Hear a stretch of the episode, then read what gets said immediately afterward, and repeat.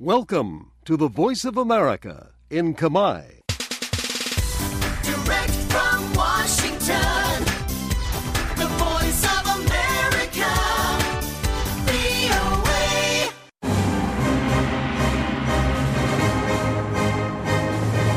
សួស្តីប្រិយមិត្តអ្នកស្ដាប់ជាទីមេត្រី នៅក្នុងកម្មវិធីផ្សាយតាមវិទ្យុរបស់ VOA នៅរាត្រីថ្ងៃប្រហ័សទី29ខែកុម្ភៈឆ្នាំ2024នេះ ខ្ញុំលីម៉ូរីវ៉ាន់និងសហការីនៃក្រុមផ្សាយជាខេមរៈភាសាសូមស្វាគមន៍ប្រិយមិត្តពីរដ្ឋធានី Washington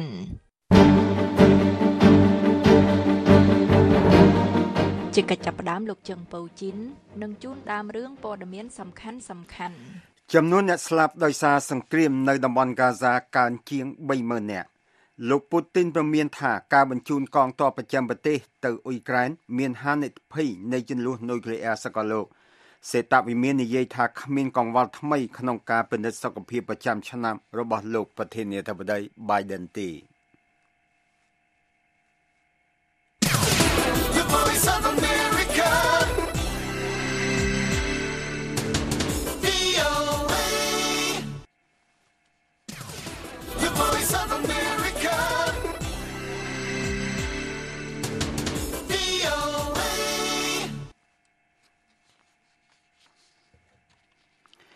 ជនជាតិប៉ាឡេស្ទីនជាង30,000នាក់ត្រូវបានសម្លាប់នៅក្នុងតំបន់ហ្គាហ្សាតាំងពីពេលចាប់ផ្ដើមនៃសង្គ្រាមរវាងអ៊ីស្រាអែលនិងក្រុមហាម៉ាស់ជិត5ខែកន្លងមកខណៈដែលការវាយប្រហារនៅថ្ងៃពហុនេះលើវងមនុស្សដែលរងចាំជំនួយនៅក្នុងទីក្រុងហ្គាហ្សាបានធ្វើឲ្យមនុស្សជាច្រើនអ្នកស្លាប់និងរងរបួសនេះបើយោងតាមសេចក្តីរាយការណ៍របស់ទីភ្នាក់ងារផ្សារព័ត៌មាន AP ដែលយោងលើការបញ្ជាក់របស់មន្ត្រីសុខាភិបាលតំបន់ហ្គាហ្សាមនុស្សយ៉ាងតិច70នាក់ត្រូវបានសម្លាប់និង280នាក់បានរងរបួសនៅពេលដែលពលរដ្ឋប៉ាឡេស្ទីនជាច្រើនតម្រង់ជួរដើម្បីទទួលជំនួយមនុស្សធម៌នេះបើតាមការបញ្ជាក់របស់អ្នកនាំពាក្យក្រសួងសុខាភិបាលតំបន់ហ្គាហ្សាលោកអាសាអាល់គីដ្រាសង្គ្រាមនេះបានធ្វើឲ្យប្រជាពលរដ្ឋប៉ាឡេស្ទីនប្រហែល80%ក្នុងចំណោមប្រជាពលរដ្ឋសរុបចំនួន2លាន 3សែននាក់ភៀសខ្លួនពីផ្ទះសម្បែងហើយមន្ត្រីអង្គការសហប្រជាជាតិបាននិយាយថាប្រជាពលរដ្ឋប្រហែល1ភាគ4កំពុងអត់ឃ្លាន បន្ទាប់ពីការវាយប្រហារនេះក្រសួងសុខាភិបាលតំបន់ហ្គាហ្សាបានបញ្ជាក់ថាចំនួនប្រជាពលរដ្ឋប៉ាឡេស្ទីនដែលបានស្លាប់ដោយសារសង្គ្រាមនៅតំបន់ហ្គាហ្សាកើនឡើងដល់30035នាក់និងអ្នករងរបួសចំនួន 70457នាក់ក្រសួងនេះមិនបានបញ្ជាក់នៅក្នុងទូរលេខរបស់ខ្លួនថាយុទ្ធជនមានប៉ុន្មាននាក់ហើយអ្នកដែលមិនមែនជាយុទ្ធជនមានប៉ុន្មានអ្នកនោះទេអ៊ីស្រាអែលបានបញ្ជាក់ដោយមិនបានផ្ដល់ភស្តុតាងថាខ្លួនបានសម្លាប់សកម្មប្រយុទ្ធ10000នាក់សង្គ្រាមនេះបានបង្កឲ្យមានហានិភ័យមនុស្សធម៌នៅតំបន់ហ្គាហ្សានិងបណ្ដាលឲ្យមានក្តីបារម្ភជាសកលទាក់ទិននឹងស្ថានភាពនៅក្នុងទីក្រុងរ៉ាហ្វានៅភាគខាងត្បូង បំផុតនៃតំបន់ហ្គាហ្សាតាមបណ្ដោយព្រំដែនជាប់នឹងប្រទេសអេស៊ីបនៅក្នុងទីក្រុងនោះជនជាតិប៉ាឡេស្ទីនចំនួន1លាន4សែននាក់បានជ្រកកោនដើម្បីសវត្ថិភាពពីការបាញ់ផ្លោងរបស់អ៊ីស្រាអែលជារៀងរាល់ថ្ងៃ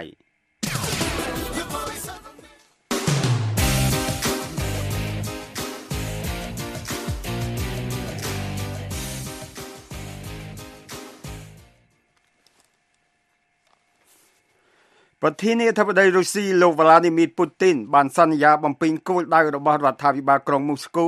នៅក្នុងប្រទេសអ៊ុយក្រែនហើយបានពមៀនខ្លាំងខ្លាំងដល់ប្រទេសលោកខាងលិចកុំឲ្យចូលពាក់ព័ន្ធកាន់តែខ្លាំងនៅក្នុងការប្រយុទ្ធដោយនិយាយថាវាអាចបណ្ដាលឲ្យមានហានិភ័យជន់លួសនៃសង្គ្រាមនុយក្លេអ៊ែរការពមៀនរបស់លោកពូទីនបានកើតមានឡើងនៅក្នុងការថ្លែងសន្និរកថាទៅកាន់ប្រទេសជាតិនៅថ្ងៃពហុនេះមុនការបោះឆ្នោតបោះឆ្នោតជាតិនៅខែក្រោយដែលនឹងឈ្នះ ក្នុងការយោងដល់សេចក្តីថ្លែងការណ៍របស់ប្រធានាធិបតីបារាំងលោកអេម៉ាណែលម៉ាក្រុងនៅដើមសប្តាហ៍នេះការដាក់ពង្រាយកងទ័ពថ្មើរជើងរបស់ប្រទេសលោកខាងលិចនៅប្រទេសអ៊ុយក្រែនមិនត្រូវបានច្រានចោលនៅពេលខាងមុខនោះទេលោកពូទីនបាននិយាយថាការនេះនាំឲ្យមានផលវិបាកធ្ងន់ធ្ងរថ្លែងនៅមុខពួកអ្នកស្ដាប់ដែលជាសមាជិករដ្ឋសភានិងមន្ត្រីលោកពូទីនបាននិយាយថាការនេះអាចធ្វើឲ្យរុស្ស៊ីឆ្លើយតបដោយបង្កើន ដល់មានការគម្រាមកំហែងនៃចំនួននុយក្លេអ៊ែរដែលមានន័យថាការបំផ្លាញនៃអរិយធម៌របស់យើង។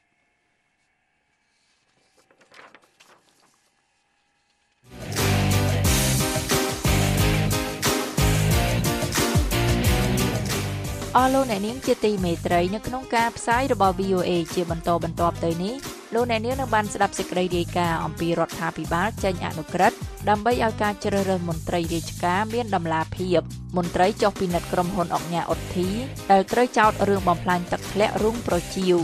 ហើយនឹងសេចក្តីរាយការណ៍អំពីលោករងឈុនថាការបង្គាប់របស់តុលាការឲ្យបង់ប្រាក់2លានរៀលជាកំហិតធ្ងន់ធ្ងរ ហើយនៅក្នុងការផ្សាយ30នាទីចុងក្រោយរបស់យើងខ្ញុំយើងមានសេចក្តីរាយការណ៍អំពីការបោះឆ្នោតសំខាន់សំខាន់នៅឆ្នាំ2024ឆ្លុះបញ្ចាំងពីការប្រទាញប្រទង់គ្នា រវាងលទ្ធិប្រជាធិបតេយ្យនិងលទ្ធិផ្ដាច់ការនិយម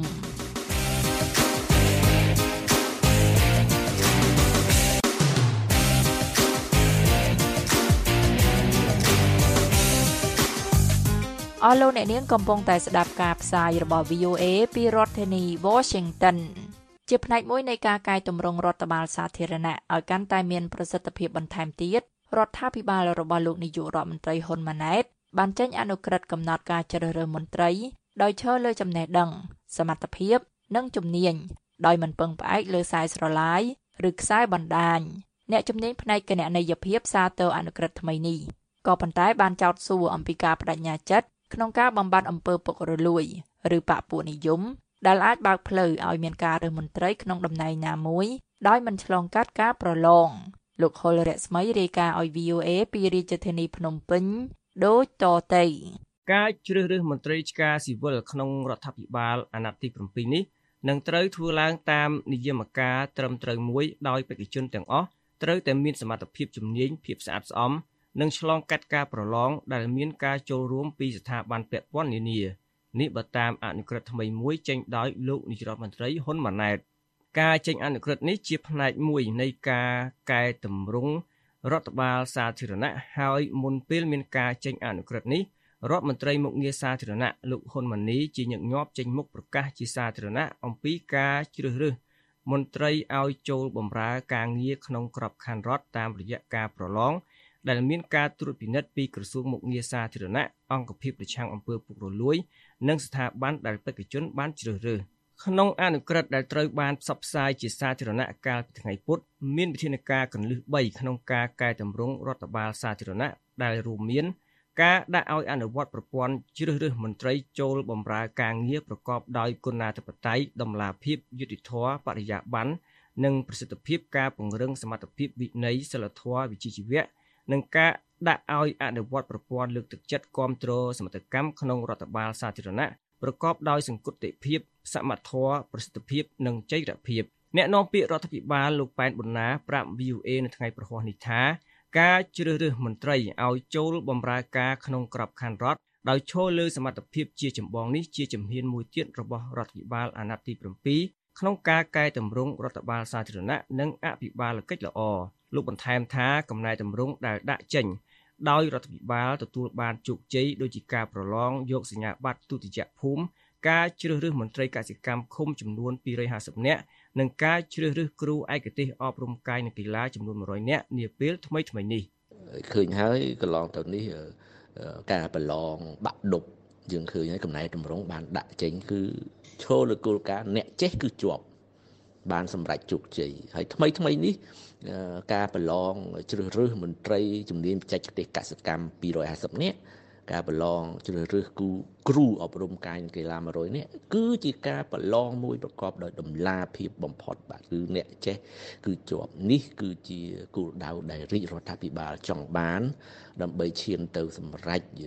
មុំទី1នៃយុទ្ធសាស្ត្របញ្ចកោណគឺការកសាងមូលធនមនុស្សមូលធនមនុស្សគឺឲ្យមានសមត្ថភាពពិតប្រាកដដំណើរគ្នានឹងពេលចេញផ្សាយអនុក្រឹត្យស្ដីពីការជ្រើសរើសមន្ត្រីរាជការស៊ីវិលនេះ អង្គភាពអ្នកនាំពាក្យរាជរដ្ឋាភិបាលបានថ្លែងលើទំព័រ Facebook របស់ខ្លួនថាក្រោមកំណែតម្រង់របស់លោកនាយរដ្ឋមន្ត្រីហ៊ុនម៉ាណែតការប្រឡងប្រជែងចូលបម្រើការងារជាមន្ត្រីឆ្ការស៊ីវិលមិនចាំបាច់មានខ្សែមិនចាំបាច់ស្គាល់អ្នកធំនិងមិនចាំបាច់សុំអន្តរាគមន៍ពីភាគីណាមួយឡើយបើតាមអនុក្រឹត្យដែលមានកម្រាស់21ទំព័រមានការកំណត់ឲ្យបានជាក់លាក់នៅមុខតំណែង និងគុណវុឌ្ឍនៃមុខតំណែងក្នុងមុខងារសាធារណៈការកំណត់មុខតំណែងនិងគុណវុឌ្ឍនៃមុខតំណែងមានសារៈសំខាន់សម្រាប់ធ្វើជាមូលដ្ឋានក្នុងការជ្រើសរើសអនុក្រឹត្យដដែលបន្ថែមថាទន្ទឹមនឹងការជ្រើសរើសនេះក្រសួងស្ថាប័នត្រូវកំណត់ឲ្យបានជាក់លាក់នៅចំនួនមុខតំណែងអង្គភាពនិងភូមិសាស្ត្រគោលដៅជ្រើសរើសផងដែរ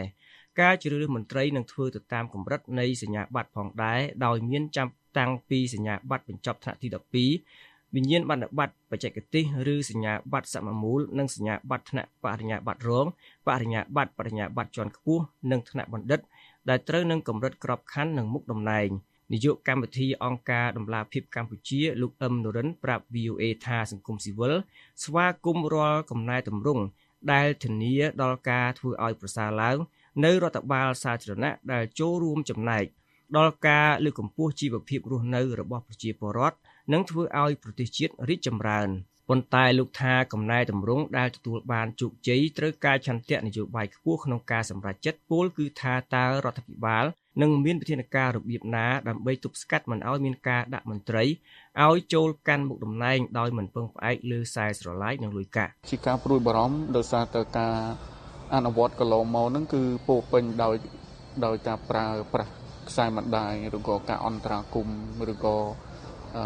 រូបភាពនៃនៃការប្រើលុយប្រើកាក់ជាដើមអញ្ចឹងអឺអាចអនុការអនុវត្តវិធានការថ្មីនេះទាមទារនៅការអនុវត្តម៉ត់ចត់មែនតែនហើយអឺដោយពាក្យស្លោករបស់រដ្ឋាភិបាលប្រហែលជាត្រូវហ៊ានអាកាត់អញ្ចឹងតើភាពច្បាស់លាស់ហើយភាពហ៊ានអាកាត់របស់រដ្ឋាភិបាលនឹងកម្រិតណានោះជាអ្វីដែលយើងត្រូវ តាមដានពិនិត្យមើលនិងវិតម្លៃបន្តទៀតលោកបន្ថែមថារដ្ឋាភិបាលទំនងជាចង់កសាងគេដំណើរនយោបាយរបស់ខ្លួននៅពេលមានការដាក់ចេញយន្តការកែតម្រង់ជាបន្តបន្ទាប់នៅក្នុងរដ្ឋបាលសាធារណៈនិងវិស័យផ្សេងទៀតអនុក្រឹត្យដែលប្រកាសដាក់ឲ្យប្រើប្រាស់ដោយលោកនាយរដ្ឋមន្ត្រីហ៊ុនម៉ាណែតកើតមានឡើងក្នុងពេលដែលគណៈរដ្ឋមន្ត្រីរបស់លោកត្រូវគេសង្កេតឃើញថាមានកូនរបស់អតីតរដ្ឋមន្ត្រីចាស់ចាស់ក្នុងរដ្ឋបាលអាណត្តិមុន ដូចយ៉ាងលោកសសុខាបានឡើងជារដ្ឋមន្ត្រីមហាផ្ទៃជំនួសឪពុកគឺលោកសខេងលោកទាសីហារដ្ឋមន្ត្រីក្រសួងការពិជាតិឡើងជំនួសឪពុកគឺលោកទាបាញ់និងលោកសៃសំអាល់កូនប្រុសប្រធានប្រសិទ្ធិលោកសៃឈុំត្រូវបានផ្លាស់ប្ដូរមុខតំណែងពីរដ្ឋមន្ត្រីក្រសួងបរិស្ថានមកកាន់រដ្ឋមន្ត្រីក្រសួងរៀបចំដែនដីជាដើមចំណែកកូនប្រុសរបស់អតីតប្រធានតុលាការកំពូលលោកដិតមន្ទីគឺលោកដិតទីណា បានបន្តដឹកនាំក្រសួងកសិកម្មបន្ទាប់ពីលោកបានកាន់តួនាទីនេះតាំងពីអាណត្តិមុន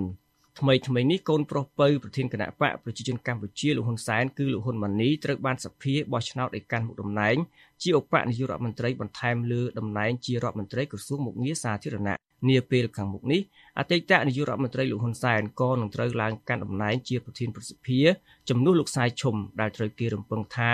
នឹងទៅបំពេញការងារជាឧត្តមក្រុមប្រឹក្សាផ្ទាល់ព្រះមហាក្សត្ររាយការណ៍ពីរាជធានីភ្នំពេញខ្ញុំហុលរស្មី VOA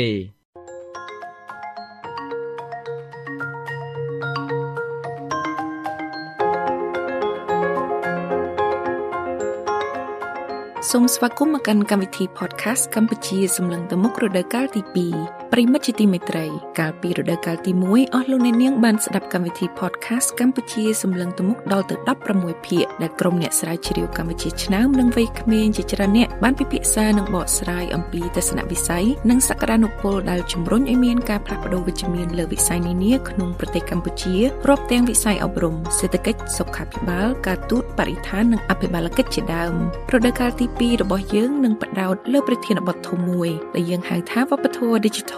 ឬជាភាសាអង់គ្លេស Digital Culture និយាយទៅវាសំដៅលើឱកាសនិងកត្តាប្រឈមនៃការប្រើប្រាស់បច្ចេកវិទ្យានានាដើម្បីដោះស្រាយបញ្ហាប្រឈមក្នុងសង្គមនិងជំរុញឲ្យមានការផ្លាស់ប្តូរវិជ្ជមានជាបន្តបន្ទាប់ហើយជាពិសេសបង្កើនលទ្ធភាពឲ្យកម្ពុជាសម្រេចបាននូវគោលដៅអភិវឌ្ឍរបស់ខ្លួនក្នុងគ្រប់វិស័យដោយរដូវកាលទី1ដែរលោកអ្នកនាងអាចស្ដាប់ podcast កម្ពុជាសម្លឹងទៅមុខវប្បធម៌ Digital ឬ Digital Culture នេះតាម Apple Podcast Google Podcast Spotify និងតាមគេហទំព័ររបស់យើង khmer.voanews.com/envisioncambodia digital culture ហើយសូមកុំភ្លេច subscribe សូមអរគុណ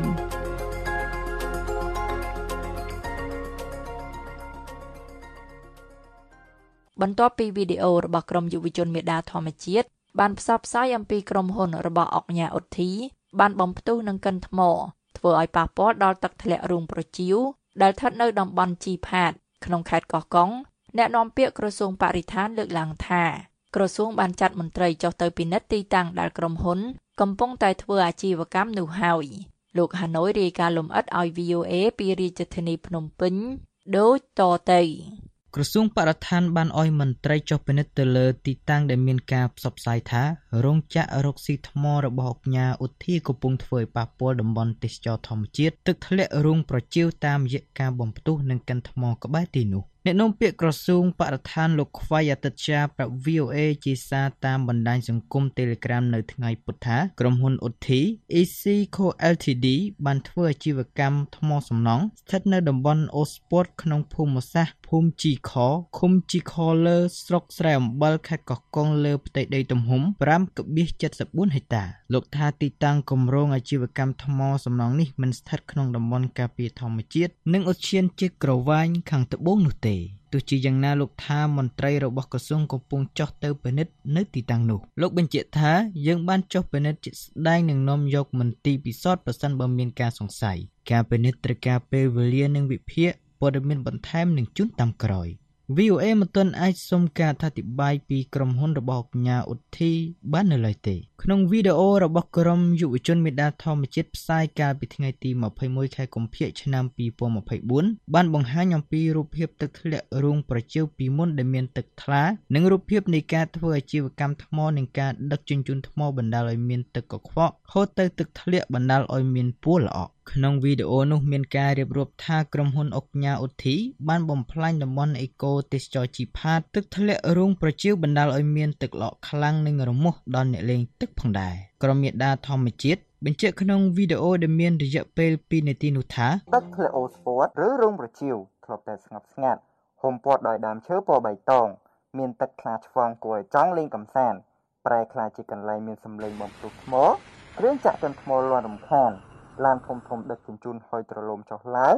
ធ្វើឲ្យទឹកប្រែក្លាយជាពណ៌ក្រហមល្អក់មិនស្រស់ស្អាតនិងគ្មានភ្ញៀវទេសចរចង់ទៅលេងដូចពីមុនវីដេអូដែលបន្ថែមថាការកិត្តខំរបស់ប្រជាជនមូលដ្ឋានក្រសួងបរិស្ថាននិងក្រសួងទេសចរតាំងពីឆ្នាំ2011ក្នុងការធ្វើឲ្យតំបន់នោះក្លាយជាតំបន់អេកូទេសចរប្រែជាឥតន័យដោយសារក្រសួងបរិស្ថាននិងក្រសួងរ៉ែនិងធម្មពលបឹកដៃឲ្យមានការបំផ្លាញទៅវិញអភិបាលរងខេត្តកោះកុងលោកអនសុធារិទ្ធ ចានចោព័ត៌មានដែលផ្សព្វផ្សាយដោយក្រុមមេដាធម្មជាតិដោយលោកថា ទឹកធ្លាក់រូងប្រជើមិនមានទឹកនោះទេក្នុងខែប្រាំង ដូចជាឥឡូវក្នុងខែប្រាំងវាអត់មានទឹកទេចុះទៅរីងស្ងួតទាំងអស់ទៅបានប្រជាជនមានទឹកណាមួយខ្ញុំសួរទេតែគាត់ថាប្រជាជនយើងទឹកមួយលំបោះហ្នឹងមានទឹកមកពីណាបើតាមអភិបាលរងរូបនេះក្រុមហ៊ុនរោងចក្ររកស៊ីថ្មរបស់កញ្ញាឧទ្ធីមានអាជ្ញាប័ណ្ណត្រឹមត្រូវដែលចេញដោយក្រសួងពាក់ព័ន្ធក្នុងបទសម្ភាសជាមួយ VOA តាមប្រព័ន្ធ Telegram កញ្ញាភួងកែវរស្មីសកម្មជនក្រមមេដាធម្មជាតិលើកឡើងថាក្រុមហ៊ុនបានចាប់ផ្ដើមធ្វើអាជីវកម្មតាំងពីខែកញ្ញាឆ្នាំ2023ដែលជាខែវស្សាទឹកធ្លាក់ពេញស្អាតកញ្ញាថាទឹកដែលធ្លាក់ដែលមានពណ៌ល្អក់ដូចក្នុងវីដេអូគឺថតក្នុងអំឡុងខែកញ្ញាដែលជាខែមានទឹកធ្លាក់កញ្ញាភួងកែវរស្មីជំរុញឲ្យក្រសួងមានសមត្ថកិច្ចដកអាជ្ញាប័ណ្ណឬបញ្ឈប់អាជីវកម្មរបស់ក្រុមហ៊ុនដែលកំពុងធ្វើអាជីវកម្មនោះដើម្បីការពារតំបន់ទេសចរសម្រាប់ជាសម្បត្តិរួមរីកាពីរាជធានីភ្នំពេញខ្ញុំហាណូយ VOA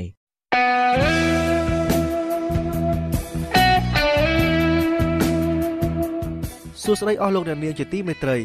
លោកអ្នកនាងអាចតាមដានព័ត៌មានទាន់ហេតុការណ៍នឹងថ្មីថ្មីពី VOA តាមបណ្ដាញសង្គម X VOA នាំមកជូនលោកអ្នកនាងនៅព័ត៌មានសំខាន់សំខាន់ក្នុងទម្រង់នានារួមមានសេចក្តីរាយការណ៍ជាវីដេអូវីដេអូឯកសារវីដេអូខ្លីៗកម្រងរូបភាពក្រាហ្វិកពន្យល់បទសម្ភាសន៍និងកិច្ចពិភាក្សាអំពីព្រឹត្តិការណ៍សំខាន់សំខាន់ដែលអាចទុកចិត្តបានអំពីប្រទេសកម្ពុជា និងប្រទេសផ្សេងៗក្នុងពិភពលោក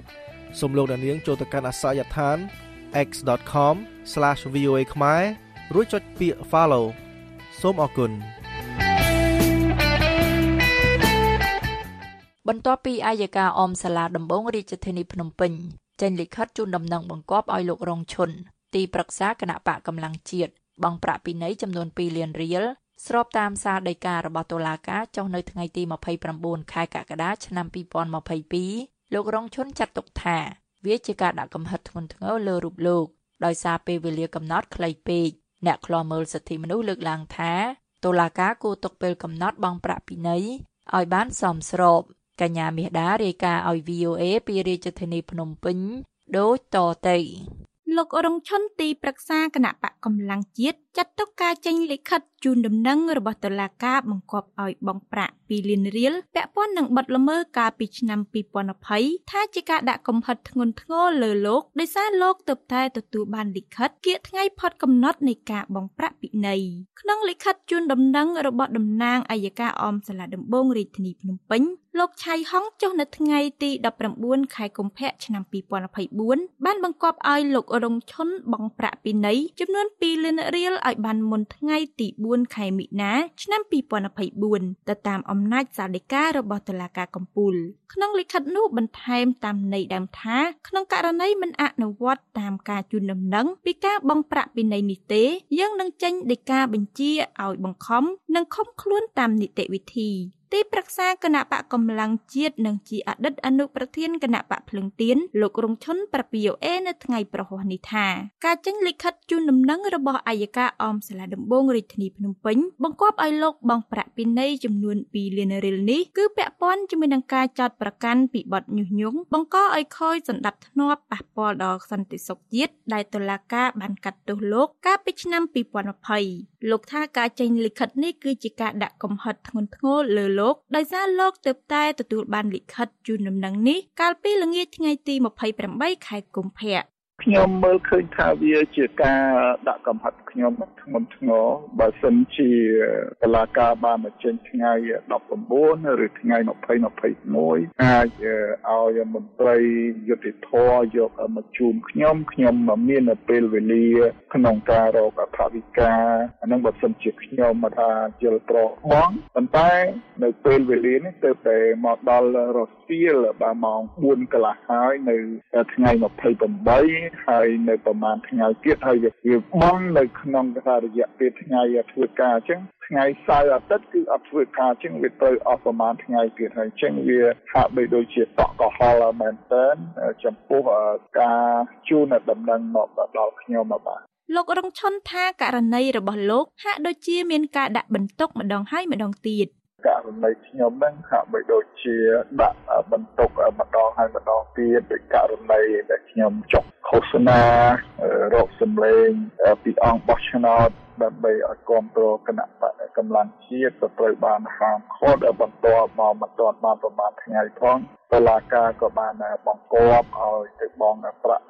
ពីនៃថែមទៀតបាទ លោករងឈុនបន្ថែមថាលោកមិនទាន់សម្រេចថានឹងត្រូវបង់ប្រាក់ពិន័យនេះឬយ៉ាងណានៅឡើយទេដោយលោកថាចាំពិភាក្សាជាមួយមេធាវីជាមុនសិន VOA ពុំទាន់អាចសុំការអត្ថាធិប្បាយពីព្រះរាជអាជ្ញារងលោកឆៃហុងនិងអ្នកនាំពាក្យអាយកាអមសាលាដំបងរាជធានីភ្នំពេញលោកប្លង់សុផលបានទេនាយកទទួលបន្ទុកកិច្ចការទូតនៃអង្គការការពារសិទ្ធិមនុស្សលីកាដូលោកអ៊ំសំអាតយល់ថាតុលាការគួរចេញលិខិតបង្គាប់ឲ្យលោករងឈុនបង់ពិន័យដោយទុកពេលឲ្យបានយូរជាងនេះ ចឹងហើយគេគិតថាពីលានគេនេះវាតិចតួចប៉ុន្តែយ៉ាងណាក៏ដោយក៏ត្រូវតែទុកពេលវេលាមួយសំស្របដើម្បីឲ្យមិនខ្លួននឹងមានពេលគ្រប់គ្រាន់ក្នុងការ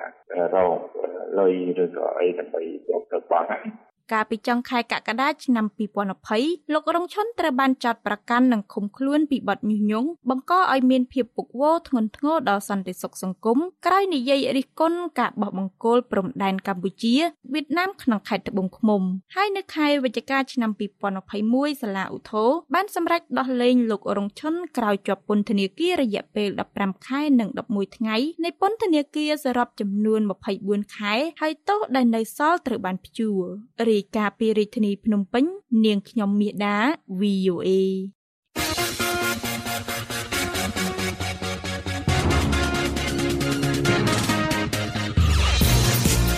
អស់លោកអ្នកនាងជាទីមេត្រីនៅក្នុងការផ្សាយរបស់ VOA ជាបន្តបន្ទាប់ទៅនេះយើងខ្ញុំមានសេចក្តីរាយការណ៍អំពីការបោះឆ្នោតសំខាន់សំខាន់នៅឆ្នាំ2024ឆ្លុះបញ្ចាំងពីការប្រជែងប្រទង់គ្នារវាងលទ្ធិប្រជាធិបតេយ្យនិងលទ្ធិផ្ដាច់ការនិយម។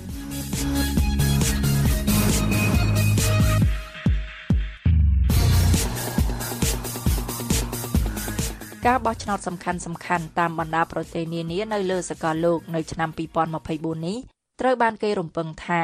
នឹងឆ្លុះបញ្ចាំងពីការប្រទាញប្រទង់គ្នារវាងលទ្ធិប្រជាធិបតេយ្យនិងលទ្ធិផ្ដាច់ការនិយមលោក Gabriel Levin ជូនសេចក្តីរាយការណ៍បែបបញ្យលលំអិតលោកសឹងសុផាត និងខ្ញុំលីម៉ូរីវ៉ាន់ ជូនសេចក្តីប្រាយសម្រួលដូចតទៅឆ្នាំ2024នឹងចូលក្នុងប្រវត្តិសាស្ត្រជាឆ្នាំដែលមានភាពសកម្មជាងគេបំផុត ក្នុងវិស័យនយោបាយស្របពេលមានការបោះឆ្នោតនៅក្នុងប្រទេសជាង60ដែលតំណាងឲ្យប្រជាជនជាងពាក់កណ្ដាលនៅលើពិភពលោកនេះមានន័យថាមនុស្សកាន់តែច្រើនមានសិទ្ធិបោះឆ្នោតនៅក្នុងឆ្នាំ2024នេះបើធៀបនឹងឆ្នាំមុនមុនព្រឹត្តិការណ៍ដែលនឹងកើតឡើងនៅក្នុងរយៈពេលប្រមាណខែខាងមុខនេះ អាចបង្វែរទិសដៅនៃអំណាចលើសកលលោកឆ្ពោះទៅកាន់លទ្ធិប្រជាធិបតេយ្យឬលទ្ធិផ្ដាច់ការនិយមតទៅនេះគឺជាការបោះឆ្នោតដ៏សំខាន់បំផុតទាំង6នៅក្នុងឆ្នាំ2024ដែលនឹងឆ្លុះបញ្ចាំងអំពីទិសដៅនៃអំណាចប្រទាញប្រទង់គ្នាជាយូរមកហើយសហរដ្ឋអាមេរិករដ្ឋធានីគឺ Washington ប្រជាជនមានចំនួន440.8លាននាក់ ផលិតផលក្នុងស្រុកសរុបឆ្នាំ2022មានចំនួន25.46លានលានដុល្លារដោយចាប់ផ្ដើមនៅចុងសតវត្សទី19និងឆ្លងកាត់សង្គ្រាមលោកចំនួន2លើកគោលនយោបាយការបរទេសអាមេរិកបានប្រឈមនឹងការផ្លាស់ប្ដូរយ៉ាងខ្លាំងពីភាពឯកោនិយមដោយមិនលូកដៃចូលកិច្ចការផ្ទៃក្នុងរបស់ប្រទេសដទៃមកកាន់ការប្រឡូកយ៉ាងសកម្មដើម្បីរៀបចំជារចនាសម្ព័ន្ធសម្ដាប់ធ្នាប់លើសកលលោក អតីតឧបការីរដ្ឋមន្ត្រីការពារជាតិលោក Joseph Nye បានថ្លែងប្រាប់ VOA ថាជារឿងសំខាន់នៅក្នុងការយល់ពីភាពខុសគ្នារវាងទស្សនៈមនោគមវិជ្ជាប្រជែងគ្នាទាំងនេះពីព្រោះរបៀបវារៈគិតអាមេរិកជាមុនឬ America First របស់អតីតប្រធានាធិបតីអាមេរិកលោក Donald Trump កំពុងតែព្យាយាមនាំយកគោលនយោបាយឯកោនិយមមិនលូកដៃត្រឡប់មកវិញការនេះធ្វើឲ្យសម្ព័ន្ធមិត្តអាមេរិកស្ថិតនៅក្នុងភាពមិននឹងណឺ ស្របពេលមានភាពតានតឹងកើនឡើងរវាងកោះតៃវ៉ាន់និងចិន សង្គ្រាមរវាងរុស្ស៊ីនិងអ៊ុយក្រែននិងសង្គ្រាមរវាងអ៊ីស្រាអែលនិងក្រុមហាម៉ាស់ដែលបន្តរំកិលទៅមុខលោកត្រាំដែលទំនងคล้ายជាបេក្ខភាពប្រធានាធិបតីពីគណៈបកសាធារណរដ្ឋបានរិះគន់អង្គការអូតង់ដែលជាសម្ព័ន្ធភាពយោធាដ៏សំខាន់បំផុតរបស់សហរដ្ឋអាមេរិកម្ដងហើយម្ដងទៀត ហើយមិនបានចាត់ជាគោលជំហរប្រកាសប្រជាណាមួយពីរបៀបឬថាតើលោកនឹងផ្ដល់ការគាំទ្រដល់អ៊ីស្រាអែលនៅក្នុងសង្គ្រាមប្រឆាំងនឹងក្រុមហាម៉ាស់ប្រសិនបើលោកជាប់ឆ្នោតសារជាថ្មីឬទេលោកណៃបានថ្លែងយ៉ាងដូចនេះថាចំពោះប្រទេសរុស្ស៊ីវិញលោកត្រាំទំនងនឹងមានទំនោរទៅកាន់លោកពូទីនជាងនេះមានន័យថាទំនងនឹងមានសម្ពាធនៅក្នុងការកាត់បន្ថយជំនួយសម្រាប់អ៊ុយក្រែនម្យ៉ាងវិញទៀត លោក Joe Biden មេដឹកនាំកំពុងកាន់តំណែងពីគណៈបកប្រជាធិបតេយ្យដែលកំពុងមានសម្លេងការស្ទង់មតិគាំទ្រស្ថិតនៅពីក្រោយនៅក្នុងការប្រជែងគ្នាដែលអាចកើតមានឡើងតទល់នឹងលោក Trump បានបញ្ជូនកញ្ចប់ជំនួយយោធាទៅកាន់ទីក្រុងគៀវនិងទីក្រុងសេរុយសាឡឹមបើទោះបីជាលោកប្រឈមនឹងការរុញច្រានពីសមាជិកសភាពីគណៈបកសាធារណរដ្ឋជុំវិញការវិវត្តទៅមុខមានកម្រិតនៅអ៊ុយក្រែន និងពីពួកវឌ្ឍនជនពាក់ព័ន្ធទៅនឹងវិបត្តិមនុស្សធម៌ដែលកាន់តែដុនដាបនៅតំបន់ហ្គាហ្សាបេក្ខភាពប្រធានាធិបតីដែលកំពុងឈានមុខគេទាំងពីររូបនេះមានទស្សនៈផ្ទុយគ្នាស្រឡះពាក់ព័ន្ធទៅនឹងគោលជំហររបស់សហរដ្ឋអាមេរិកនៅលើពិភពលោកហើយអ្នកដែលឈ្នះការបោះឆ្នោតនៅខែវិច្ឆិកាខាងមុខប្រហែលនឹងកំណត់ពីកម្រិតនៃភាពតានតឹងរបស់សហរដ្ឋអាមេរិកដែលមានមកលើប្រទេសចិនរុស្ស៊ីនិងប្រទេសជាគូប្រជែងដទៃទៀតកោះតៃវ៉ាន់ រដ្ឋធានីគឺតៃប៉េប្រជាជនមានចំនួន23លាន9សែននាក់ផលិតផលក្នុងស្រុកសរុបឆ្នាំ2022មានចំនួន760.4000លានដុល្លារកោះតៃវ៉ាន់ប្រហែលមានទំហំតូចក្នុងបរិបទផ្ទៃក្រឡាក៏ប៉ុន្តែកោះដឹកនាំបែបស្វ័យភាពមួយនេះដែលស្ថិតនៅមិនឆ្ងាយពីចិនដីគោកមានឥទ្ធិពលខ្លាំងលើសេដ្ឋកិច្ចពិភពលោកជាង70%នៃបន្ទះឈីបកុំព្យូទ័រនៅលើពិភពលោក និងបន្ទះមីក្រូឈីបបច្ចេកវិទ្យាខ្ពស់ប្រមាណ90%ត្រូវបានផលិតដោយក្រុមហ៊ុនតៃវ៉ាន់ចំណោទស្ដីពីឯករាជ្យភាពរបស់កោះតៃវ៉ាន់ពីចិនដីគោកដែលបានទាមទារដែនកោះមួយនេះគឺជាចំណុចផ្ដោតនៃការប៉ះទង្គិចគ្នារវាងរដ្ឋាភិបាលក្រុង Washington និងរដ្ឋាភិបាលក្រុងប៉េកាំងបន្តក្នុងឆ្នាំ2024នេះប្រធានាធិបតីតៃវ៉ាន់លោកស្រីហ្សៃអ៊ីងវិនដែលអាណត្តិរបស់លោកស្រីមានកំណត់ ហើយលោកស្រីមិនអាចឈរឈ្មោះបោះឆ្នោតកាលពីខែមករាកន្លងទៅបន្តទៅទៀតបានប្រមានសាធារណជននៅមុនការបោះឆ្នោតនោះថាចិនបានផ្សាយព័ត៌មានមិនពិតតាមប្រព័ន្ធអ៊ីនធឺណិតដើម្បីបង្វែរអ្នកបោះឆ្នោតចេញពីបេក្ខភាពឈានមុខគេគឺអនុប្រធានាធិបតីនាពេលបច្ចុប្បន្នលោកឡៃឈីងទ័រលោកឡៃដែលតំណាងឲ្យគណៈបកវឌ្ឍនភាពប្រជាធិបតេយ្យ Democratic Progressive Party បានបង្កការខឹងសម្បារនៅចិនពាក់ព័ន្ធនឹងការអធិប្បាយរបស់លោក អំពីអធិបតេយ្យភាពកោះតៃវ៉ាន់ក៏ប៉ុន្តែគូប្រជែងចម្បងរបស់លោកឡៃប្រកាន់គោលជំហរទុនជាងនេះចំពោះរដ្ឋាភិបាលក្រុងប៉េកាំងនៅទីបំផុតលោកឡៃឈីងទ័របានឈ្នះការបោះឆ្នោតប្រធានាធិបតីតៃវ៉ាន់កាលពីថ្ងៃទី13ខែមករាកន្លងទៅនេះនិងរំពឹងថានឹងឡើងកាន់តំណែងនៅខែឧសភាអាមេរិកចាត់ទុកកោះតៃវ៉ាន់ជាសម្ព័ន្ធមិត្តកំពូលមួយរបស់ខ្លួន ស្របពេលចិនបានបង្កើនសកម្មភាពជើងទឹកនៅតំបន់សមុទ្រចិនខាងត្បូងលោក Biden បានបដិញ្ញាថាសហរដ្ឋអាមេរិកនឹងការពារកោះតៃវ៉ាន់ប្រសិនបើកោះនេះរងការឈ្លានពានដូចគ្នានឹងបញ្ហាពាក់ព័ន្ធអ៊ីស្រាអែលនិងអ៊ុយក្រែនដែរលោក Trump វិញ បានបង្ហាញជំហរមិនច្បាស់លាស់ពាក់ព័ន្ធនឹងកោះតៃវ៉ាន់ខណៈអ្នកវិភាគខ្លះព្រួយបារម្ភថា ភាពតានតឹងរវាងចិននិងកោះតៃវ៉ាន់អាចក្លាយទៅជាសង្គ្រាមប្រសិនបើលោកឡៃទទួលបានជ័យជំនះមែននោះអ្នកស្រីយុនស៊ុនប្រធានកម្មវិធីស្ដីពីចិនប្រចាំមជ្ឈមណ្ឌលស្រាវជ្រាវ Stimson និយាយថាសហរដ្ឋអាមេរិកកំពុងជំរុញឲ្យលោកឡៃមិនធ្វើឲ្យស្ថានភាពកាន់តែតានតឹង និងថាចិនកំពុងផ្ដល់អាទិភាពលើស្ថិរភាពជាងចំនួនដែលអាចកើតមានឡើងស្របពេលខ្លួនកំពុងដោះស្រាយបញ្ហាសេដ្ឋកិច្ចធ្លាក់ចុះក្នុងស្រុក អ្នកស្រីស៊ុនបានថ្លែងពីរបៀបរបស់គណៈបកកុម្មុយនីចិនចូលទៅកាន់ឆ្នាំ2024ថាប្រធានាធិបតីចិនលោកស៊ីជីនពីងមានបញ្ហាធំជាងនេះដើម្បីដោះស្រាយអ្នកស្រីស៊ុនបានបន្តថាក៏ប៉ុន្តែនេះមិនមានន័យថាចិននិងកោះតៃវ៉ាន់នឹងមានលក្ខខណ្ឌប្រសើរជាងមុនរវាងគ្នានៅក្នុងរយៈពេល4ឆ្នាំខាងមុខក្រោមការដឹកនាំរបស់លោកឡៃដែលថាចិនបានចាត់ទុកលោកឡៃថាមិនអាចធ្វើការជាមួយបាន នៅក្នុងសុន្ទរកថាឆ្នាំថ្មី លោកស៊ីបានបដិញ្ញាថាចិននិងកោះតៃវ៉ាន់នឹងបង្រួបបង្រួមយ៉ាងច្បាស់ដោយមិនបានបញ្ជាក់ពីពេលវេលាប្រធានទីភ្នាក់ងារស៊ើបការសម្ងាត់ CIA លោក William Burns ពីមុនមកធ្លាប់បានប្រមានថាសហរដ្ឋអាមេរិកដឹងតាមរយៈព័ត៌មានចារកម្មថាលោកស៊ីមានគោលដៅត្រៀមលក្ខណៈរួចរាល់នៅត្រឹមឆ្នាំ2027ដើម្បីធ្វើការឈ្លានពានប្រកបដោយជោគជ័យប្រទេសរុស្ស៊ី រដ្ឋធានីគឺម៉ូស្គូប្រជាជនមានចំនួន144លាននាក់ផលិតផលក្នុងស្រុកសរុបឆ្នាំ2022មានចំនួន2.24លានលានដុល្លារបន្ទាប់ពីការឈ្លានពាននៅអ៊ុយក្រែនកាលពី2ឆ្នាំមុនសម្ព័ន្ធមិត្តរដ្ឋាភិបាលក្រុងគៀវបានធ្វើឲ្យរុស្ស៊ីក្លាយជាប្រទេសរងទណ្ឌកម្មខ្លាំងជាងគេបំផុតនៅលើពិភពលោកដោយបានបង្អាក់សេដ្ឋកិច្ចនិងជំរុញឲ្យរុស្ស៊ីកាន់តែគៀកនឹងចិន ដែលឥឡូវនេះក្លាយជាដៃគូពាណិជ្ជកម្មកំពូលរបស់ខ្លួនបើទោះបីជាអតិផរណាកំពុងឡើងខ្ពស់អ្នកវិភាគមិនរំពឹងថាប្រធានាធិបតីរុស្ស៊ីលោក Vladimir Putin នឹងបាត់បង់តំណែងនៅក្នុងឆ្នាំ2024នេះទេស្របពេលគូប្រជែងនយោបាយសំខាន់សំខាន់របស់លោក បានជាប់ពន្ធនាគារនិរទេសខ្លួន បាត់ខ្លួន ឬស្លាប់ក្រោមកលៈទេសៈគួរឲ្យសង្ស័យនោះលោក Sergei Radchenko សាស្ត្រាចារ្យផ្នែកប្រវត្តិសាស្ត្រសហភាពសូវៀតប្រចាំសាកលវិទ្យាល័យ Johns Hopkins បាននិយាយយ៉ាងដូចនេះថាការបោះឆ្នោតនៅរុស្ស៊ីត្រូវបានគ្រប់គ្រងយ៉ាងជិតដិតជាយូរមកហើយលោកបានបន្តទៀតថា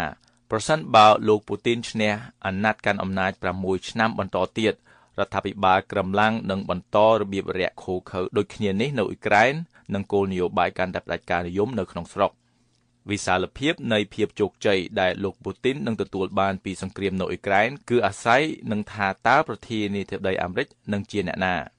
ប្រសិនបើលោក Biden ជាប់ឆ្នោតជាថ្មីលោក Radchenko បានថ្លែងយ៉ាងដូចនេះថាលោក Biden នឹងបន្តជំរុញឲ្យទទួលបានជ័យជំនះក្នុងទម្រង់ណាមួយនៅអ៊ុយក្រែនតាមរយៈមធ្យោបាយយោធា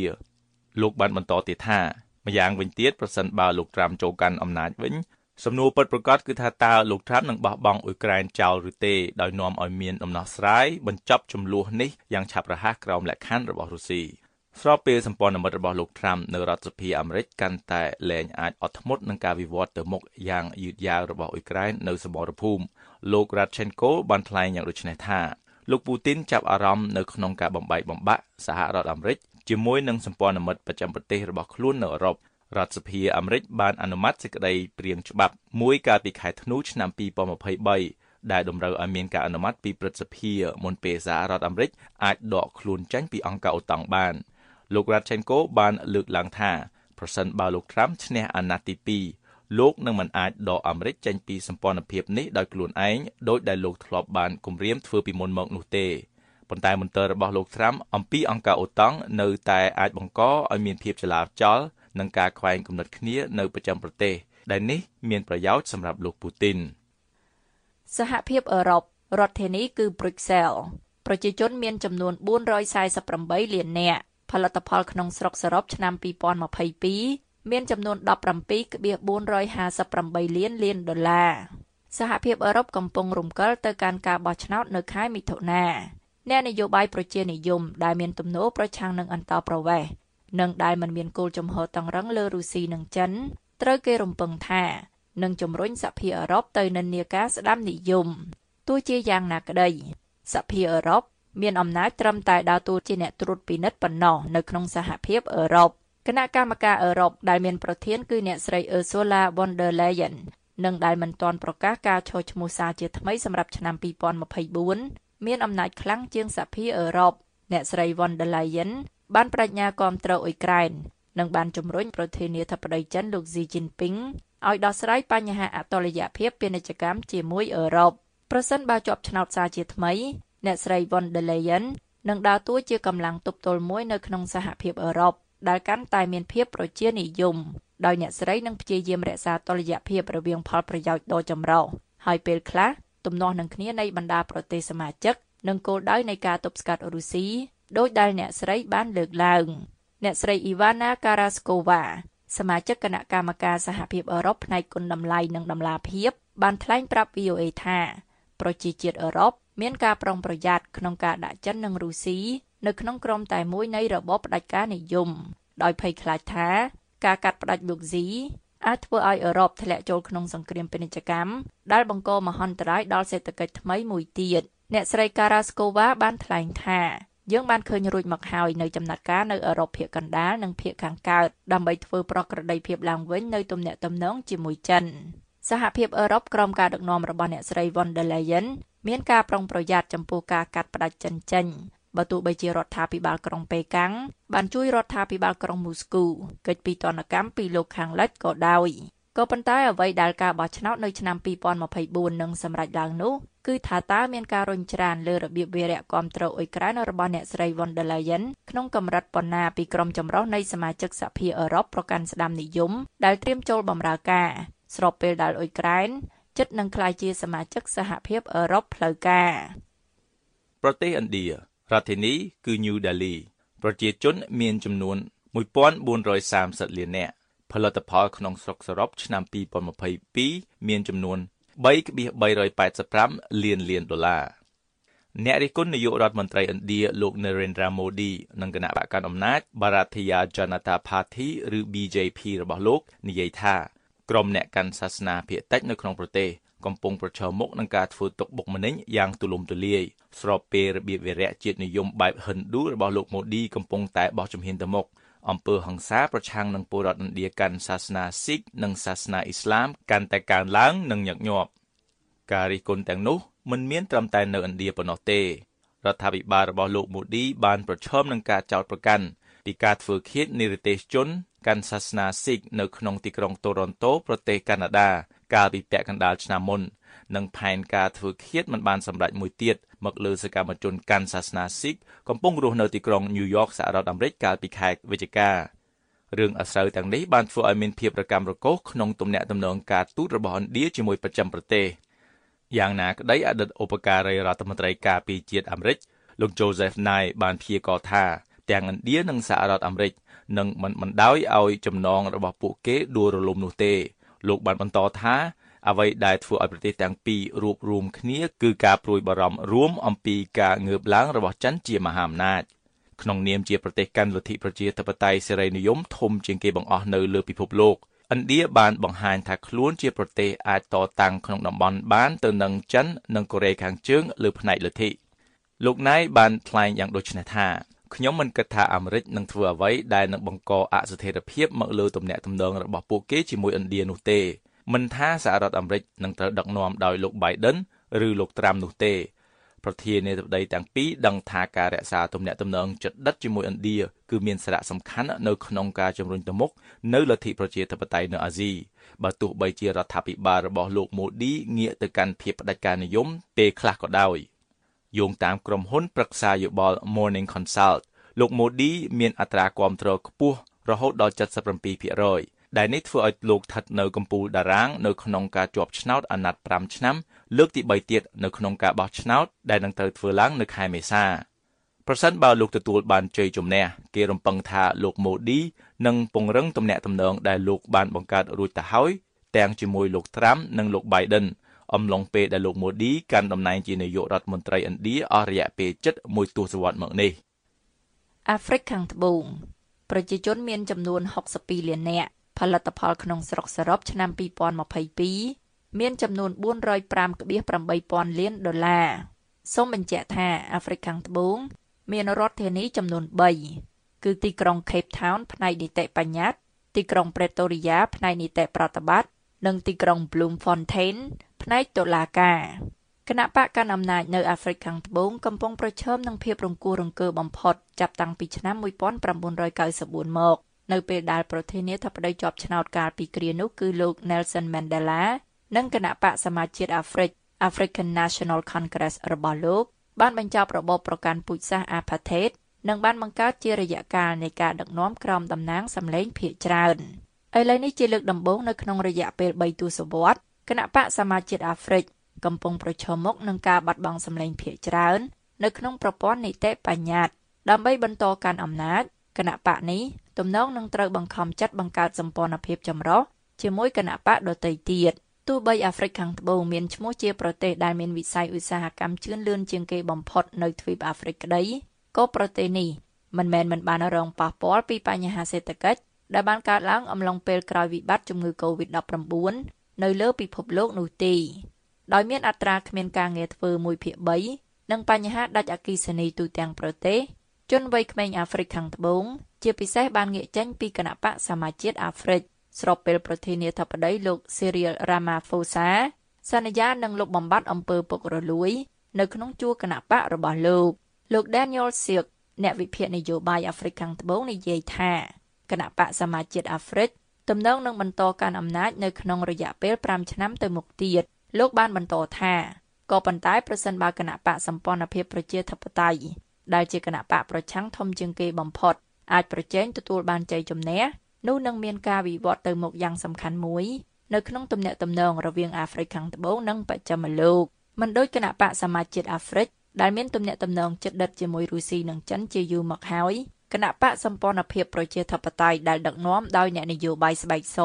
មានមូលដ្ឋានទស្សនៈសេរីនិយមដោយស្រដៀងនឹងនៅសហរដ្ឋអាមេរិកនិងបណ្ដាប្រទេសលោកខាងលិចធំធំដទៃទៀតលោកសៀកនិយាយថាបើគណៈបកសមាជជាតិអាហ្វ្រិក បន្តកាន់អំណាចវាអាចបើកផ្លូវឲ្យមានទំនាក់ទំនងរឹងមាំជាងមុន រវាងចិននិងអាហ្វ្រិកខាងត្បូងលោកសៀកបានថ្លែងថាដោយសារតែយើងមានការបរាជ័យនៅក្នុងវិស័យសហគ្រាសរដ្ឋច្បាស់ណាស់នឹងមានលទ្ធភាពសម្រាប់ចិននៅក្នុងការជួយរដ្ឋាភិបាលដឹកនាំដោយគណៈបកសមាជជាតិអាហ្វ្រិកមិនថានៅក្នុងវិស័យធម្មពលដឹកជញ្ជូនឬហេដ្ឋារចនាសម្ព័ន្ធដឹកជញ្ជូននោះទេចិនបានក្លាយជាអ្នកវិនិយោគចម្បងនៅអាហ្វ្រិកខាងត្បូង និងបណ្ដាប្រទេសកំពុងអភិវឌ្ឍដទៃទៀតនៅទូទាំងពិភពលោកតាមរយៈគម្រោងផ្លូវក្រវ៉ាត់ពាណិជ្ជកម្ម Belt and Road Initiative របស់ចិន ជាគម្រោងលក្ខណៈអន្តរជាតិមានអាយុកាលមួយទសវត្សរ៍មកនេះដែលរដ្ឋាភិបាលចិន បានផ្ដល់ជាកិច្ចព្រមព្រៀងពាណិជ្ជកម្មកញ្ចប់ប្រាក់កម្ចីនិងការផ្គត់ផ្គង់ផ្នែកហេដ្ឋារចនាសម្ព័ន្ធទៅកាន់បណ្ដាប្រទេសផ្សេងទៀតដែលអ្នករិះគន់និយាយថា ដើម្បីឲ្យចិនមានលទ្ធភាពមានឥទ្ធិពលលើរដ្ឋទាំងនោះ ថ្លែងនៅក្នុងបរិបទដោយប្រតិបត្តិការជួញដូរភាគហ៊ុន លោកសៀកបានកត់សម្គាល់ថាឥឡូវនេះច្បាស់ណាស់ជាឱកាសសំខាន់សម្រាប់ចិននៅក្នុងការវិនិយោគនៅអាហ្វ្រិកខាងត្បូងដែលកំពុងទន់ខ្សោយលទ្ធភាពដែលចិននឹងមានទួនាទីច្រើនជាងមុននៅអាហ្វ្រិកខាងត្បូងឬសហរដ្ឋអាមេរិកនិងមានអំណាចសេដ្ឋកិច្ចច្រើនជាងមុននៅប្រទេសនេះគឺអាស្រ័យលើការសម្រេចរបស់ពលរដ្ឋអាហ្វ្រិកខាងត្បូងនៅពេលពួកគេចូលរួមការបោះឆ្នោតនៅឆ្នាំ2024នេះ ឆ្នាំនៃការបំភ្លៃព័ត៌មាននៅឆ្នាំ2024នេះរចនាសម្ព័ន្ធសម្ដាប់ធ្នាប់សកលលោកកំពុងប្រឈមនឹងការផុយស្រួយហើយការគម្រាមកំហែងដែលនៅតែមិនអាចកណនាបានពីការបំភ្លៃព័ត៌មានដោយបច្ចេកវិទ្យាបញ្ញាសិប្បនិម្មិតឬ AI គឺច្បាស់ណាស់នឹងដើរតួនៅក្នុងការមានឥទ្ធិពលលើការកែប្រែសម្ដាប់ធ្នាប់អ្នកស្រី Joan Donovan អ្នកជំនាញផ្នែកព័ត៌មានបំភ្លៃតាមប្រព័ន្ធអ៊ីនធឺណិតនិងការព្យាយាមទាញប្រយោជន៍តាមបណ្ដាញផ្សព្វផ្សាយ បានថ្លែងប្រាប់ VOA ថាអ្នកបោះឆ្នោតនៅជុំវិញពិភពលោកត្រូវប្រឈមនឹងរូបភាពនិងសំឡេងផលិតដោយបញ្ញាសិប្បនិម្មិត AI អ្នកស្រីបានបន្តថាអ្វីដែលពិតជាប្រកបដោយគ្រោះថ្នាក់នោះគឺស្ថានភាពភូមិសាស្ត្រនយោបាយដ៏ស្ដួយស្ដាងរួចទៅហើយដែលត្រូវញោមញីដោយសង្គ្រាមនិងវិបត្តិជំងឺ Covid-19 អ្នកស្រីបានថ្លែងយ៉ាងដូចនេះថាការបង្កភាពភ័ន្តច្រឡំនៅក្នុងចំណោមប្រជាជន នៅពេលពួកគេមានការភ័យខ្លាចការអត់ឃ្លាននិងគ្មានប្រកាស អាចបង្កជាផលវិបាកដ៏អន្តរាយប្រសិនបើប្រជាជនទាំងនោះបាត់បង់ជំនឿលើលទ្ធិប្រជាធិបតេយ្យដូច្នេះតើភ្នាក់ងារលូកលាន់ប្រឆាំងនឹងលទ្ធិប្រជាធិបតេយ្យមួយណាដែលអ្នកបោះឆ្នោតជុំវិញពិភពលោកគួរតែមានការប្រុងប្រយ័ត្ននៅក្នុងឆ្នាំ2024នេះជុំវិញការលូកលាន់នៅក្នុងការបោះឆ្នោតក្រសួងការបរទេសអាមេរិកបានព្រមាននៅក្នុងកំណត់ហេតុបែកធ្លាយមួយដែលខ្លួនបានចែករំលែកជាមួយនឹងស្ថានទូតជាង100កាលពីខែតុលាឆ្នាំ2023ថារុស្ស៊ីគឺជាជនដៃដល់ឈានមុខគេ យោងតាមរបាយការណ៍នេះរដ្ឋាភិបាលទីក្រុងមូស្គូកំពុងស្វះស្វែងបង្កអស្ថិរភាពនៅតាមបណ្ដាប្រទេសកាន់លទ្ធិប្រជាធិបតេយ្យតាមរយៈការលាបពណ៌ការបោះឆ្នោតថាមិនដំណើរការហើយរដ្ឋាភិបាលដែលត្រូវជ្រើសតាំងគឺមិនសមស្របការស្រាវជ្រាវធ្វើឡើងដោយមជ្ឈមណ្ឌល Threat Analysis របស់ក្រុមហ៊ុន Microsoft ដែលបានចេញផ្សាយកាលពីខែវិច្ឆិកាព្យាករណ៍ថានៅឆ្នាំ2024រុស្ស៊ីអ៊ីរ៉ង់និងចិនទំនងលូកលាន់ នៅក្នុងការបោះឆ្នោតសំខាន់សំខាន់នានាជុំវិញពិភពលោករួមមាននៅសហរដ្ឋអាមេរិកដោយប្រើប្រាស់រូបថ្លុករូប GIF សារសំឡេងវីដេអូឃ្លីបនិងជនល្បីឈ្មោះតាមបណ្ដាញសង្គមឬ influencers នៅលើបណ្ដាញសង្គមដើម្បីចែករំលែកព័ត៌មានបំភ្លៃប្រកបដោយប្រសិទ្ធភាពដែលមិនធ្លាប់មានពីមុនមកអ្នករៀបរៀងរបាយការណ៍បានរៀបរាប់យ៉ាងដូចនេះថាសម្រាប់រុស្ស៊ីអ៊ីរ៉ង់និងចិនប្រធានាធិបតីអាមេរិកបន្ទាប់នឹងកំណត់ទិសដៅនៃចំនួន មិនថាសង្គ្រាមប្រហែលនឹងកើតឡើងឬសន្តិភាពប្រហែលនឹងបន្តនោះទេ ដោយបន្ថែមថាការប្រជែងគ្នាសម្រាប់តំណែងប្រធានាធិបតីអាមេរិកអាចជាការប្រជែងគ្នាដំបូងដែលតួអង្គផ្ដាច់ការនិយមបរទេសជាច្រើនព្យាយាមក្នុងពេលដំណើរគ្នាដើម្បីលូកលាន់និងមានឥទ្ធិពលមកលើលទ្ធផលបោះឆ្នោតអាមេរិកអ្នកស្រី Donovan និយាយថាក្រុមហ៊ុនបណ្ដាញសង្គមត្រូវតែគេឲ្យទទួលខុសត្រូវចំពោះតួនាទីរបស់ពួកគេ កាលពីខែកញ្ញាបណ្ដាញសង្គម X ដែលធ្លាប់ត្រូវគេស្គាល់ពីមុនមកថាជា Twitter បានរំសាយចោលនៅក្រុមការងារពិនិត្យមើលសុចរិតភាពចំពោះសារបង្ហោះស្ដីពីការបោះឆ្នោតដែលទទួលបន្ទុកលើការតាមដានយុទ្ធនាការអធិបុលពីក្រៅប្រទេសមកលើបណ្ដាញសង្គមនេះគណៈកម្មការអឺរ៉ុបកាលពីពេលថ្មីថ្មីនេះបានសម្រេចថាខ្លួនកំពុងស៊ើបអង្កេតបណ្ដាញសង្គម X ចំពោះការបំពានច្បាប់សហភាពអឺរ៉ុបជុំវិញការផ្សព្វផ្សាយព័ត៌មានបំភ្លៃដោយចោទប្រកាន់បណ្ដាញសង្គមមួយនេះ ពីការមិនបានធ្វើការគ្រប់គ្រាន់ដើម្បីគ្រប់គ្រងលើមាតិការបស់ខ្លួនអ្នកស្រី Donovan ថ្លែងថាក្រុមហ៊ុន Meta បានបន្ថយកំណែទម្រង់សំខាន់សំខាន់ដែលពួកគេបានសម្រេចឡើងកាលពីមួយទសវត្សរ៍កន្លងមកនេះនិងបានបញ្ឈប់ក្រុមការងារស្រាវជ្រាវមួយចំនួនខណៈការត្រួតពិនិត្យហាក់ដូចជាសាបរលាបពីបណ្ដាញសង្គមខ្លះដែលមានប្រជាប្រិយភាពបំផុតនៅលើពិភពលោកព័ត៌មានដែលអាចជឿទុកចិត្តបាន មានសារៈសំខាន់កាន់តែខ្លាំងនាពេលនេះ ដើម្បីរក្សាលទ្ធិប្រជាធិបតេយ្យលើសកលលោកចាប់ពីកោះតៃវ៉ាន់សហភាពអឺរ៉ុបសហរដ្ឋអាមេរិកនិងហួសពីនេះទៀតអ្នកស្រី Donovan បានលើកឡើងយ៉ាងដូចនេះថាអ្នកសារព័ត៌មានស្ថិតនៅជួរមុខនៅក្នុងការបំបត្តិព័ត៌មានបំភ្លៃដែលជារឿយៗមានសកម្មភាពរហ័សជាងបណ្ដាញសង្គមទាំងនោះទៅទៀតពីរដ្ឋធានី Washington ខ្ញុំសង្សុផាត និងខ្ញុំលីម៉ូរីវ៉ាន់ VOA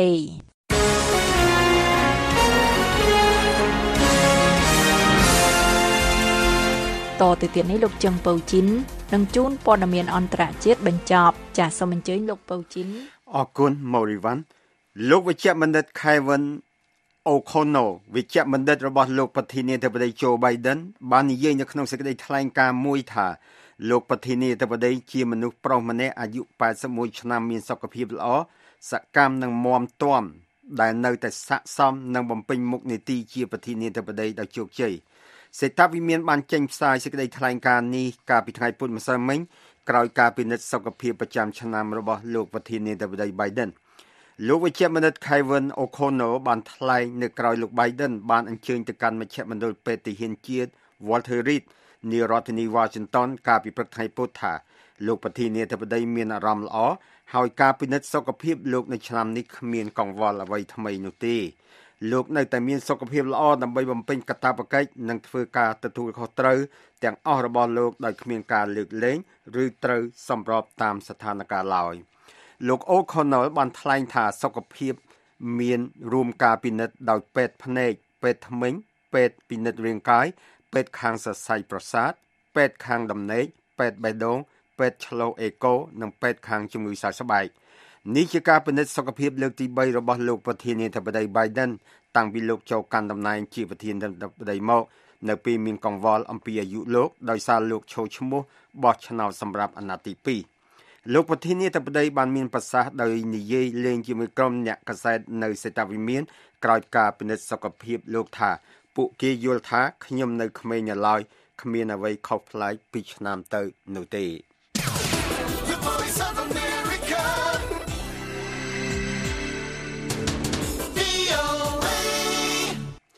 ប្រធានាធិបតីសហរដ្ឋអាមេរិកលោក Joe Biden និងអតីតប្រធានាធិបតីសហរដ្ឋអាមេរិកលោក Donald Trump នឹងធ្វើទស្សនកិច្ចរៀងៗខ្លួនទៅកាន់ព្រំដែនសហរដ្ឋអាមេរិកជាប់ប្រទេសមិចស៊ិកនៅថ្ងៃប្រហ័ននេះដោយរឿងសន្តិសុខព្រំដែនទំនងអាចជាបញ្ហាចម្បងមួយនៅក្នុងយុទ្ធនាការឃោសនាសម្រាប់ការបោះឆ្នោតប្រធានាធិបតីនៅខែវិច្ឆិកាខាងមុខនេះ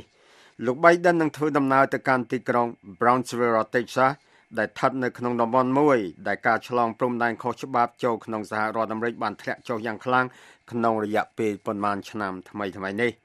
សេតាវិមានបានបញ្ជាក់ថាលោក Biden នឹងថ្លែងសន្ទរកថានឹងស្ដាប់ការផ្ដល់ដំណឹងអំពីស្ថានភាពព្រំដែនពីទីភ្នាក់ងារគយនិងការពីព្រំដែនរបស់សហរដ្ឋអាមេរិកទីភ្នាក់ងារសេវាកម្មសញ្ជាតិនិងអន្តោប្រវេសន៍និងទីភ្នាក់ងារពង្រឹងច្បាប់អន្តោប្រវេសន៍និងគយ លោកត្រាំដែលបានស្វាស្វែងសាងសង់ជញ្ជាំងព្រំដែនដែលលាតសន្ធឹងធំធេងនៅតាមបណ្ដោយព្រំដែនជាប់ប្រទេសមិចស៊ិកអន្លងពេលលោកធ្វើជាប្រធានាធិបតីនិងអញ្ជើញទៅទីក្រុង Eagle Pass រដ្ឋ Texas ដែលជាផ្នែកនៃតំបន់មួយដែលមានការឆ្លងព្រំដែនចូលដោយខុសច្បាប់យ៉ាងច្រើនបំផុតក្នុងរយៈពេលប៉ុន្មានខែថ្មីៗនេះ បញ្ហាសន្តិសុខព្រំដែនគឺជាចំណុចស្នូលនៃការជជែកដេញដោលផ្នែកច្បាប់នៅក្នុងរដ្ឋធានី Washington ស្របពេលដែលរដ្ឋបាលរបស់លោក Biden បានជំរុញឲ្យមានការអនុម័តកញ្ចប់ថវិកាសន្តិសុខមួយដែលមានជំនួយថ្មីសម្រាប់អ៊ុយក្រែននិងអ៊ីស្រាអែលសមាជិកខាងគណៈបកសាធារណរដ្ឋជាពិសេសនៅក្នុងរដ្ឋជាពិសេសនៅក្នុងរដ្ឋសភាបានតស៊ូមតិឲ្យមានការបញ្ចូលវិធានការសន្តិសុខព្រំដែនទៅក្នុងសំណើច្បាប់នេះ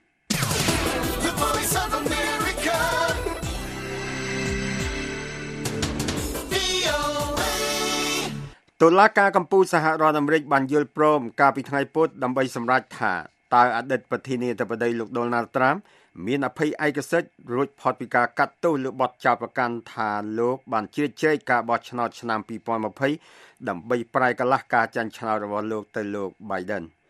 រឿងក្តីនៅតុលាការសហព័ន្ធចោទប្រកាន់ថាលោកត្រាំនិងសម្ព័ន្ធមិត្តរបស់លោកបានផ្សព្វផ្សាយការអះអាងคล้ายៗថាការបោះឆ្នោតនោះត្រូវបានលួចបន្លំប្រើប្រាស់អង្គបោះឆ្នោតคล้ายៗដើម្បីរារាំងការបញ្ជាក់ជ័យជំនះរបស់លោក Biden ដោយសភាបានដាក់គំនាបលើលោកអនុប្រធានាធិបតី Mike Pence ឲ្យរារាំងការបញ្ជាក់ដំណើរការនេះតុលាការកំពូលបានបញ្ជាក់នៅក្នុងសេចក្តីថ្លែងការណ៍ថាខ្លួននឹងសម្រេចថាតើអតីតប្រធានាធិបតី មានអភ័យឯកសិទ្ធិប្រធានាធិបតីត្រឹមកម្រិតណាពីការកាត់ទោសព្រំប្រទាននោះតែត្រូវបានចោទប្រកាន់ពីការតាក់ទិនក្នុងចំណាត់ការផ្លូវការក្នុងអន្លង់នៃការកាន់អំណាចរបស់លោក ការជជែកឲ្យហេតុផលនេះនឹងត្រូវធ្វើសវនាការនៅខែមេសាដោយមានការសម្រេចត្រូវគេរំពឹងនៅបញ្ចប់នៅចុងខែមិថុនាបន្ទាប់ពីការប្រកាសនេះលោកត្រាំបានចេញសេចក្តីថ្លែងការណ៍ដោយនិយាយថាអភ័យឯកសិទ្ធិ របស់លោកជាការចាំបាច់ដើម្បីបម្រើប្រទេសឲ្យបានល្អបំផុត The voice of America. VOA.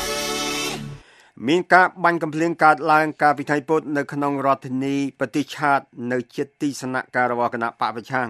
ហើយការនេះកើតឡើងនៅក្រៅការប៉ះទង្គិចគ្នាពេលយប់នៅជិតទីភ្នាក់ងារសន្តិសុខក្នុងប្រទេសដែលនាំឲ្យមនុស្សមួយចំនួនបានបាត់បង់ជីវិត ចលាចលនេះបានកើតឡើងមួយថ្ងៃក្រោយទីភ្នាក់ងាររៀបចំការបោះឆ្នោតនៃប្រទេសឆាតបានកំណត់យកថ្ងៃទី6ខែឧសភាថ្ងៃបោះឆ្នោតប្រធានាធិបតីដែលជាការបោះឆ្នោតលើកទី1តាំងពីប្រធានាធិបតីបណ្ដោះអាសន្នលោក Mahathir Idris Deby Itno ក្តាប់អំណាចពីឆ្នាំ2021មកគេមិនដឹងច្បាស់លាស់នៅឡើយទេថាតើអំពើហិង្សានេះតាក់ទិននឹងការប្រកាសការបោះឆ្នោតឬទេ សេចក្តីថ្លែងការណ៍មួយរបស់រដ្ឋាភិបាលនិយាយថាការវាយប្រហារលើទីភ្នាក់ងារសន្តិសុខរដ្ឋរបស់ជាតិជាការប៉ុនប៉ងធ្វើឃាតប្រធានាប្រធានតុលាការកម្ពុជាសេចក្តីថ្លែងការណ៍នោះចែងថាជនជាប់សង្ស័យមួយចំនួនត្រូវបានចាប់ខ្លួនហើយក៏មានការស្វែងរកជនសង្ស័យឯទៀតឯទៀតដែលបានរត់គេចខ្លួនផងដែរសេចក្តីថ្លែងការណ៍នោះបានបន្ទោសគណៈបកសង្គមនិយមគ្មានព្រំដែននិងមេដឹកនាំគណៈបកនោះគឺលោក យ៉ាយ៉ាឌីឡូថាជាអ្នកចាត់ចែងឲ្យមានការវាយប្រហារនេះអគ្គលេខាធិការបកនោះបាននិយាយប្រាប់ទីភ្នាក់ងារសារព័ត៌មាន Reuters ថាការស្លាប់នៅចិត្តទីភ្នាក់ងារសន្តិសុខបានកើតមានឡើងនៅពេលដែលពួកទាហាន បានបាញ់កំភ្លើងលើសមាជិកមួយក្រុមរបស់គណៈបកប្រធានាធិបតីសហរដ្ឋអាមេរិកលោក Joe Biden បានចុះហត្ថលេខាលើបទបញ្ជាប្រធានាធិបតីកាលពីថ្ងៃពុធ ក្នុងបំណងការពារទិន្នន័យផ្ទាល់ខ្លួនរបស់ពលរដ្ឋអាមេរិកពីសត្រូវបរទេសបទបញ្ជានេះបានមានបំណងរារាំងការផ្ទេរទិន្នន័យទាំងដុលដូចជាទីតាំងភូមិសាស្ត្រជីវមាត្រព័ត៌មានសុខភាពនិងព័ត៌មានហិរញ្ញវត្ថុទៅឲ្យប្រទេសដែលគួរឲ្យបារម្ភនានាប្រទេសចិនរុស្ស៊ីកូរ៉េខាងជើងអ៊ីរ៉ង់គុយបានិងវេណេស៊ុយឡាស្ថិតនៅក្នុងចំណោមប្រទេសជាក់លាក់នានា ដែលមន្ត្រីរដ្ឋបាលលោក Biden បានកំណត់ថាជាប្រទេសដែលគួរឲ្យព្រួយបារម្ភលោក Hunter Biden ដែលជាកូនប្រុសរបស់ប្រធានាធិបតីសហរដ្ឋអាមេរិកលោក Joe Biden បានផ្ដល់សក្ខីកម្មបិទទ្វារដល់សមាជិកសភានៅវិមាន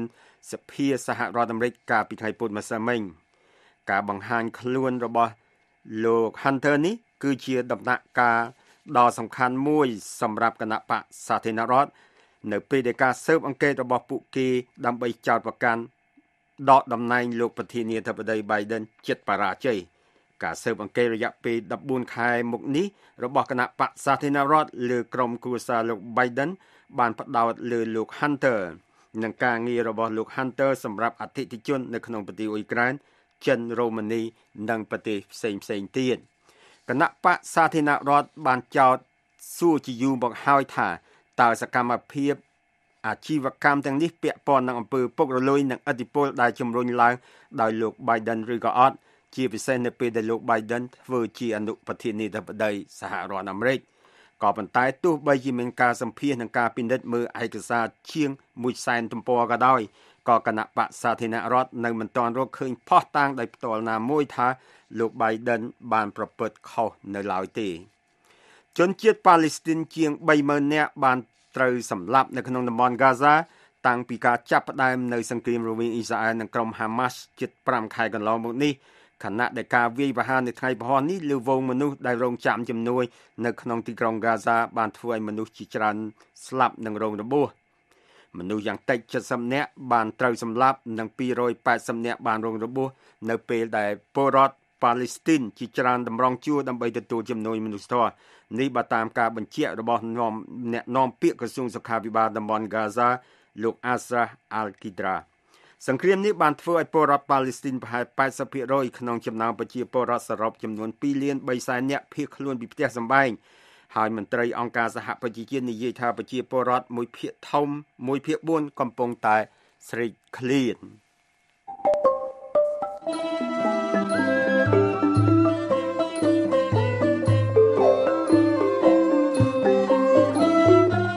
កម្មវិធីផ្សាយរបស់ VOA នៅរាត្រីនេះចប់តែត្រឹមណេះសំឡេងអ្នកនាងរងចាំស្ដាប់ការផ្សាយរបស់យើងខ្ញុំនៅព្រឹកស្អែកទៀតពីម៉ោង5ដល់ម៉ោង5:30នាទីតាមរលកវិទ្យុ31និង49ម៉ែត្រត្រូវនឹងកម្រិត9320 5915និង1575 kHz ឬតាមប្រព័ន្ធអ៊ីនធឺណិតដែលមានអាសយដ្ឋាន khmer.voanews.com សំឡេងអ្នកនាងប្រកបដោយសេចក្តីសុខនិងសុភមង្គលគ្រប់ប្រការរាត្រីសួស្តី